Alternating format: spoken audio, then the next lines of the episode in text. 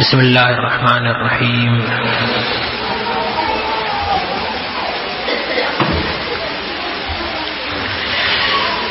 الحمد لله رب العالمين.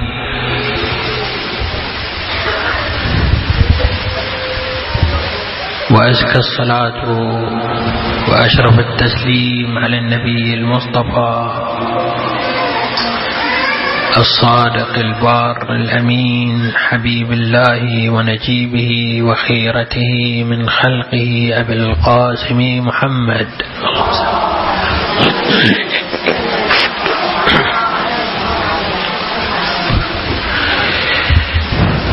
وعلى آله الطيبين الطاهرين الهداة الميامين واللعن الدائم الأبدي على أعدائهم وظالميهم إلى قيام يوم الدين. عظم الله أجورنا وأجوركم في ذكرى هذا المصاب العظيم. استشهاد سيدتنا ومولاتنا حبيبة رسول الله وسيدة نساء العالمين فاطمة الزهراء صلوات الله وسلامه عليها. بسم الله الرحمن الرحيم. إن الله اصطفى آدم ونوح. وآل إبراهيم وآل عمران على العالمين. ذرية بعضها من بعض. والله سميع عليم. صدق الله العلي العظيم.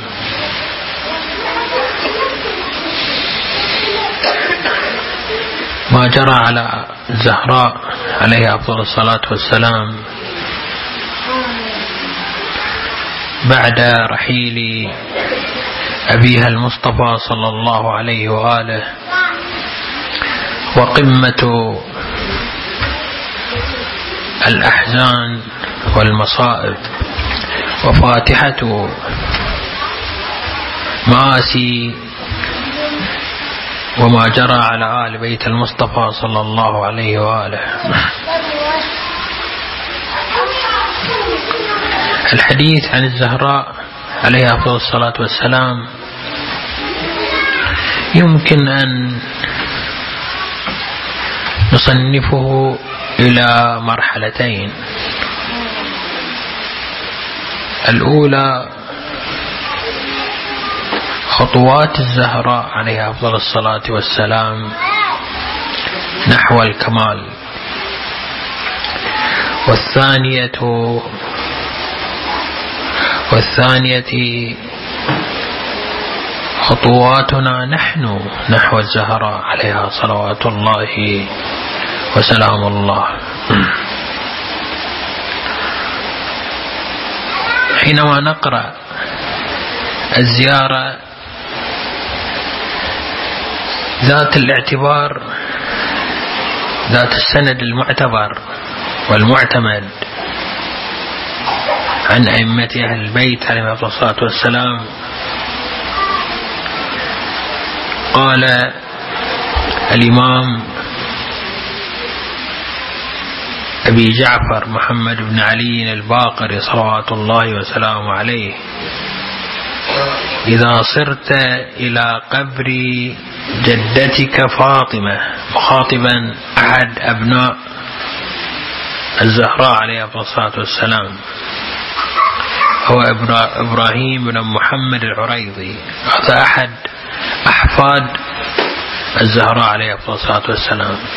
يقول له الإمام الباقر عليه السلام إذا سرت إلى إذا صرت إلى قبر جدتك فاطمة عليه السلام فقل يا ممتحنة امتحنك الله الذي خلقك. هذه الزيارة المعروفة المبتدئة ممتحنة هي من أكثر الروايات صحة في سندها.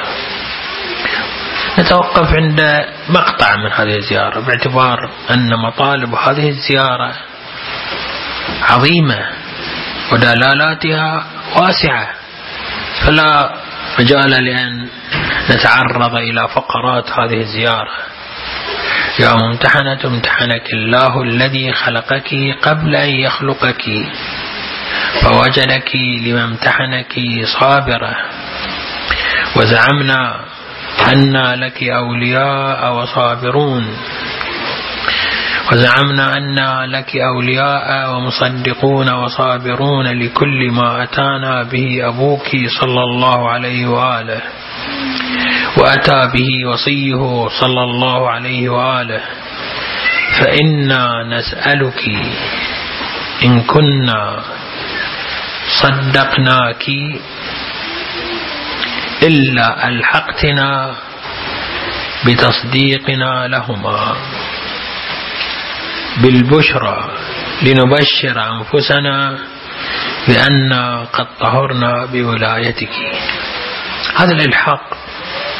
الذي نأمله ونترجاه من الزهراء عليه أفضل الصلاة والسلام. كيف شرعت الزهراء عليها أفضل الصلاة والسلام؟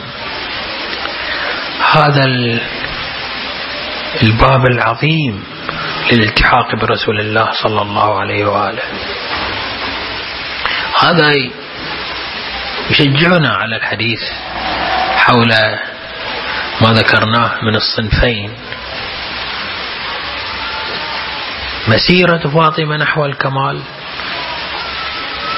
ومسيرتنا مسيرة المرأة المؤمنة مسيرة الإنسان المؤمن نحو فاطمة عليه السلام. الزهراء عليه الصلاة والسلام لم تكتفي بأن تصل هي إلى الكمال. كيف وصلت إلى الكمال؟ هذه مسألة لكن السؤال الثاني كيف تأخذ الزهراء بأيدي أحبابها وأوليائها ومن آمن بها ومن اتبعها إلى كمال محمد وعلي صلوات الله وسلامه عليهما؟ فإنا نسألك إن كنا صدقناك إلا ألحقتنا بتصديقنا لهما بالبشرى لنبشر أنفسنا بأن قد طهرنا بولايتك. النقطة الأولى الزهراء عليه الصلاة والسلام من المعلوم أنها عاشت قرابة ثمانية عشر عاما. ولدت عليه السلام في السنة الخامسة بعد البعثة. وتوفيت بعد وفاة رسول الله صلى الله عليه وآله مباشرة. فهذا العمر الذي هو محدود في مدته. كيف بلغت كل هذا المبلغ من الكمال لكي تكون ثالثة محمد وعلي عليه الصلاة والسلام. هي لكي تكون هذا المنهج الذي يفتح الطريق للسالكين للوصول إلى محمد وعلي صلوات الله وسلامه عليهم أجمعين. لعلي أشير إلى كم نقطة ترتبط بهذا المعنى. في الحديث عن الإمام الرضا صلوات الله وسلامه عليه في حديث طويل في احتجاجات الإمام الرضا مع المخالفين من سائر أبناء العالم الإسلامي إلى غير المسلمين. في حديث طويل يقول الإمام الرضا عليه الصلاة والسلام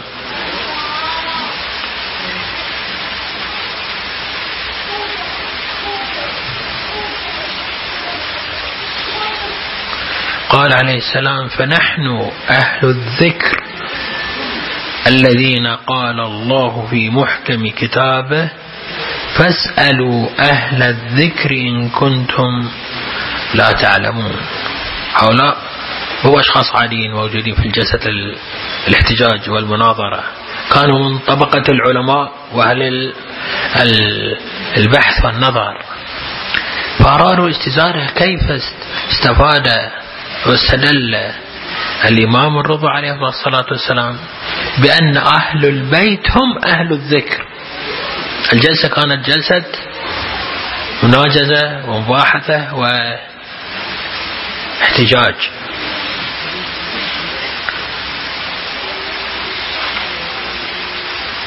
وقال لهم الإمام عليه السلام ما تقولون في أهل الذكر؟ من هم أهل الذكر؟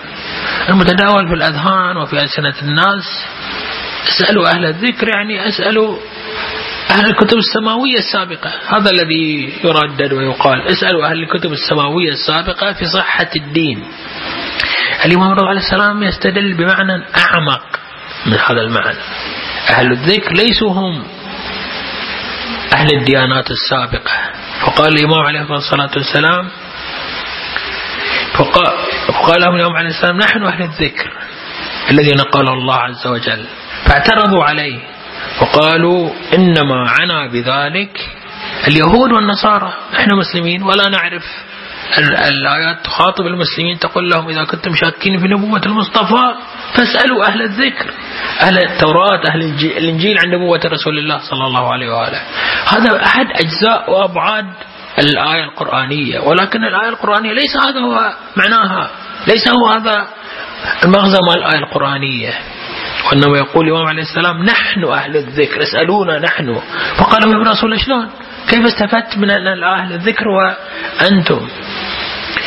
فقال عليه الصلاة والسلام الذكر رسول الله صلى الله عليه وآله.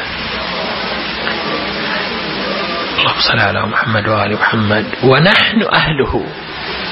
أهل الذكر يعني أهل رسول الله صلى الله عليه وآله. وقالوا من أين جئت؟ كيف ذكرت أن رسول الله إنسان مخلوق؟ والذكر عبارات وألفاظ و وقال ألم تقرأوا في سورة الطلاق؟ قول الله عز وجل فاتقوا الله يا أولي الألباب. الذين آمنوا قد أنزل الله إليكم ذكرا رسولا يتلو عليكم. لا إله إلا الله. قالوا بيت المصطفى هم أهل القرآن. صلوات الله وسلامه عليه أجمعين إحنا نقرأ هذه الآية. من منا ما قرأ آية الطلاق؟ كلنا قرأناها. سورة الطلاق. صحيح؟ لكن ما يخطر في بالنا أن نفهم حقيقة هذه الآيات ونتوقف عندها. لكن إذا دققت النظر في هذه الآيات لوجدت أن ذكر رسول الله صلى الله عليه وسلم كل عربي يتبصر في هذه الآيات يعرف يقول الله عز وجل فاتقوا الله يا أولي الألباب الذين آمنوا قد أنزل الله إليكم ذكرا رسولا يتلو عليكم آيات الله. في العربية رسول كما يصطلح أهل اللغة هي بدل عن كلمة ذكرى. يعني الله أنزل ذكرا. هذا الذكر هو رسول يتلو آيات الله عز وجل. الآن سؤالنا الذي نريد أن نعود فيه إلى الحديث عن الزهراء عليه الصلاة والسلام. رسول الله هو الذكر. هل يمكن أن يكون إنسان لحم ودم وعظام؟ هو نفسه الذكر هو نفسه. الحقائق الربانية الإلهية الكاشفة عن الله عز وجل. كيف يمكن أن يكون الإنسان هو في نفسه ذكر لله عز وجل؟ لعلي أستفيد أيضا من دعاء ورد عن أهل البيت عليه الصلاة والسلام قد يعيننا على إدراك هذا المعنى. الدعاء الذي يستحب قراءته بل وجدت في بعض الروايات أن الله عز وجل خلق ملكا خلق له مئة ألف رأس. في كل رأس مئة ألف لسان. وبكل لسان يذكر الله عز وجل لا يفتر عن ذكر الله.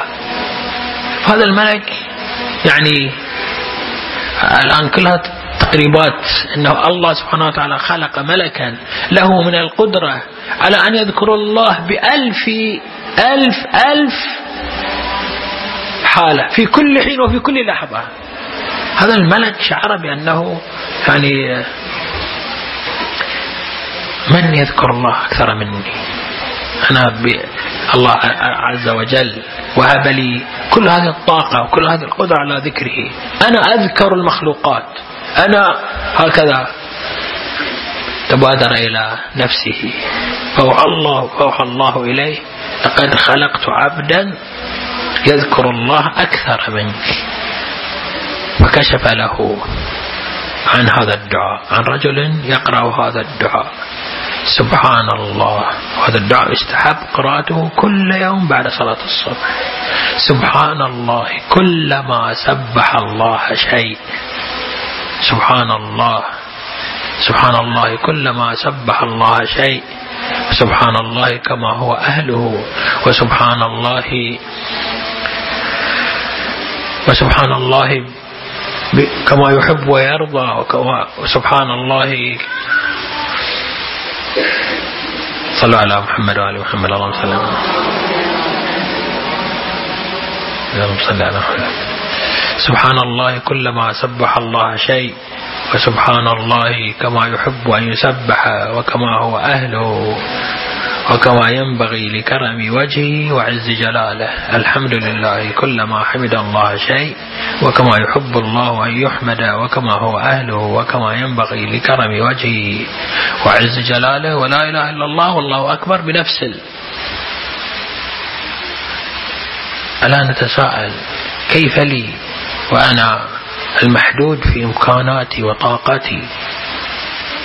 وأنا أقول سبحان الله كلما سبح الله شيء. أنا وين وين الأشياء اللي في العالم؟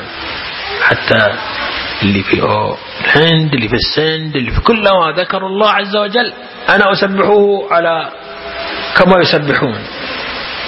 سبحان الله كلما سبح الله شيء. هذه الرواية وهذا الدعاء يكشف لنا على أن التسبيح ليس لفظا يخطر في بال الإنسان يقوله بلسانه ويخطر في قلبه ثم يزول بزوال هذا الخاطر وهذا المعنى. بل هو حقيقة مغروزة مغروزة في ذات الإنسان تحيا بوجوده وتتسع لكل هذا الوجود لكل هذا العالم. كانت الزهراء عليها أفضل الصلاة والسلام. هي مصداق رسول الله صلى الله عليه وآله الذي هو الذكر. رسول الله هو الذكر. وكلما ذكر ذاكر لله عز وجل فهو قد استعان وتحدث عن رسول الله صلى الله عليه وآله لأن حقيقة الذكر هو رسول الله صلى الله عليه وآله. لعل ما يعيننا على هذا المعنى أننا أحيانا أحيانا الله سبحانه وتعالى يوفقنا لحالة من حالات التفاعل مع الدعاء وتجلي معاني الدعاء في قلوبنا. فنقرأ مثلا دعاء ونستغرق في قراءته ربع ساعة نص ساعة. صحيح؟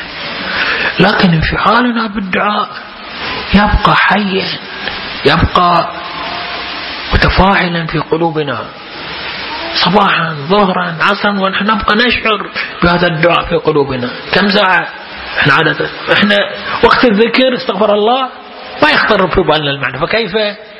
أنا أقول لك أحيانا نوفق. الله سبحانه وتعالى يوفقنا أحيانا أن تكون هذه الحالة ليست حالة لفظية ويستتبعها إدراكا آنيا مؤقتا بل حالة باقية.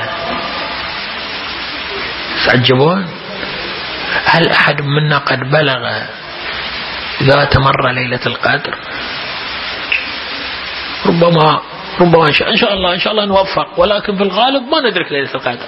لا قيمة ولا معنى ولا هل تعلمون أن الزهراء هي عين ليلة القدر؟ لا تفارقها ليلة القدر. ليلة الزهراء ما تبحث عن ليلة القدر كما نحن نبحث عن ليلة القدر. بل هي صلى الله عليها وعلى أبيها وبعلها وبنيها. هي حقيقة ليلة القدر. ليلة القدر تعيش في فاطمة وتحيا بحياة فاطمة وتوجد بوجود فاطمة صلى الله عليه وآله. إذا ثمانية عشر عاما في حياة الزهراء صلوات الله وسلام عليها كان ثمانية عشر ليلة قدر ثمانية عشر ألف ليلة قدر. بل هي حقيقة وعين وذات ليلة القدر. بهذا لعل هذا يفتح لبصائرنا على أن الزهراء عليه الصلاة والسلام في جهادها في صبرها. يا ممتحنة امتحنك, امتحنك الله الذي خلقك قبل أن يخلقك فوجدك لما امتحنك صابرة هذا هو الطريق الذي سلكته فاطمة عليه الصلاة والسلام. عاشت حاملة لذكر الله عز وجل. عاشت كاشفة لعظمة الله. عاشت في وجودها في حقيقتها مجاهدة في سبيل البقاء بين يدي الله عز وجل. فوصلت إلى الكمال. حينما نقول أن الزهراء عليه الصلاة والسلام قطعت الطريق إلى الكمال هي جاهدت امتحنت وصبرت. الآن دعونا عن الحديث عن أين هذا أين هذا الامتحان؟ وكيف يكون هذا الامتحان؟ وما علاقته بالدنيا. ولكن المؤكد المؤكد الذي ندركه أنه بجهادها بصبرها بطاعتها بمثابرتها وصلت إلى هذا الأمر. لا يخطف بالنا والله أن المسألة مسألة عالم غيب وخلقت خالية مبرة هذا صحيح لكن مو مو في مقامنا إحنا. في مقامنا الدنيوي يجب أن نعرف أن الزهراء سعت إلى هذه الحقائق وجاهدت لبلوغ هذه المراتب. الله عز وجل يعلم بذلك. هذا بعد علم الله. الله عز وجل خلقها مطهرة هذا في علم الله عز وجل. ليس في ظرفنا ليس في حالنا. في حالنا الزهرة حال حال أي فتاة منكم. أي امرأة منكم هي مفتوحة لها الطريق إلى أن تسعى. كما سعت فاطمة. وتصبر كما صبرت فاطمة. ولكن هيهات أن يوجد مخلوق يمتلك من طاقة الإيمان والصبر وتحمل المصائب والرزايا والبلايا كما كان لفاطمة عليه السلام. أقول هذا في الجانب الأول. وإن كان الأمر أعظم من هذه الذاكرة السريعة. ولكن الآن حديثنا عن الجانب الآخر. الزهراء سعت إلى الكمال حتى بلغته. ونحن سعينا إلى الزهراء عليه أفضل الصلاة والسلام. وكما عملت الزهراء عليه أفضل الصلاة والسلام على السير في هذا الطريق إلى الله وإلى الكمال. هي عليها أفضل الصلاة والسلام. مهدت لنا الطريق لكي نصل إليها. هي عليها أفضل الصلاة والسلام. عانت ما عانت لكي تنير لنا الدرب لكي نلتحق بالزهراء فنصل إلى محمد وعلي صلوات الله وسلامه عليهم أجمعين. قدمت الزهراء حياتها قدمت الزهراء عليها أفضل الصلاة والسلام. عليها.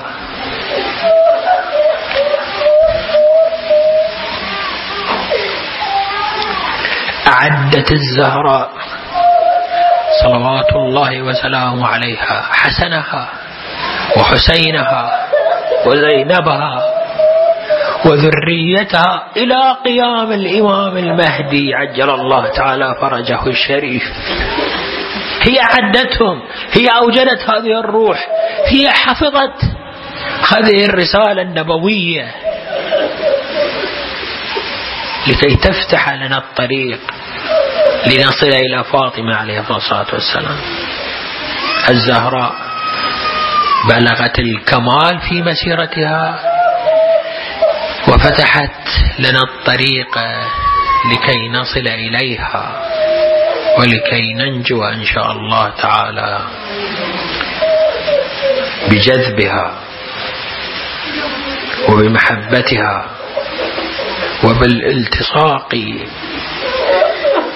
بشخصيتها. الزهراء عليه الصلاة والسلام كما كانت هي الذكر بينها وبين الله عز وجل. عاشت وفي قلبها جلال الله. عاشت وفي قلبها عظمة الله عز وجل. عاشت ولا يغيب عنها. كمال الله عز وجل. عاشت وهي تلتفت إلينا لتفتح لنا خطوات الطريق للوصول إلى مقامها للوصول إلى أن نكون أهلا لأن تلحقنا بها. نسأل الله عز وجل بجاه النبي وآله فاطمة وأبيها وبعلها وبنيها أن يصلي عليها وعلى أبيها وبعلها وبنيها. وأن يلعن من ظلمها ومن غصبها حقها ومن تعدى عليها ومن قاتلها قاتل أبناها وشردهم. ونسأله أن يرزقنا شفاعة الزهراء عليها أفضل الصلاة والسلام. يوم لا ينفع مال ولا بنون إلا من أتى الله بقلب سليم. والحمد لله رب العالمين. وصلى الله على محمد وآله الطيبين الطاهرين.